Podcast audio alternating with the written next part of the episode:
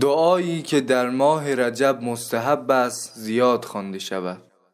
بسم الله الرحمن الرحیم. به نام خداوندی بخشنده مهربان. اللهم صل على محمد و آل محمد.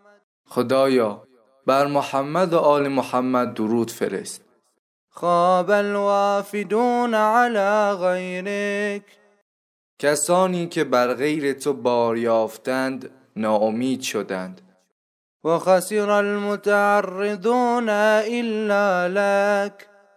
و کسانی که به کاری جز توجه به تو پرداختند زیانکار شدند.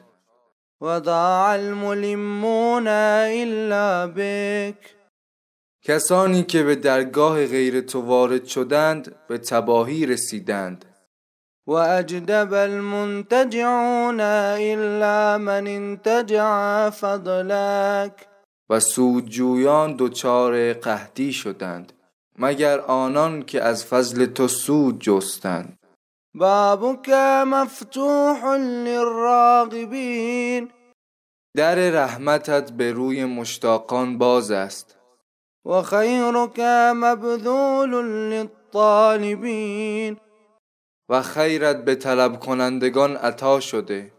و فضلک مباح للسائلین و احسانت برای نیازمندان گواراست و نیلک متاح للآملین و عطایت برای آرزومندان آماده است.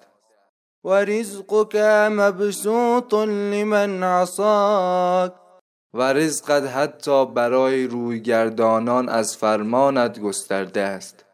و حلمک معترض لمن ناواک و بردباریت کسانی را که به دشمنی با تو برخواسته ان نیز در بر می‌گیرد.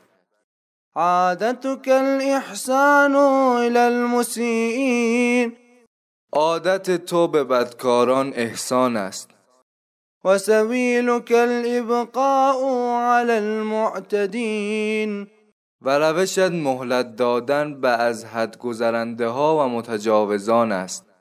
اللهم فهدنی هدى المهتدین. خدایا مرا به راه رهیافتگان هدایت کن. وارزقنی اجتهاد المجتهدین. و تلاش تلاشگران را روزیم نما. ولا تجعلنی من الغافلین المبعدین. و مرا از بیخبران دور شده مگردان. واغفر لی یوم الدین.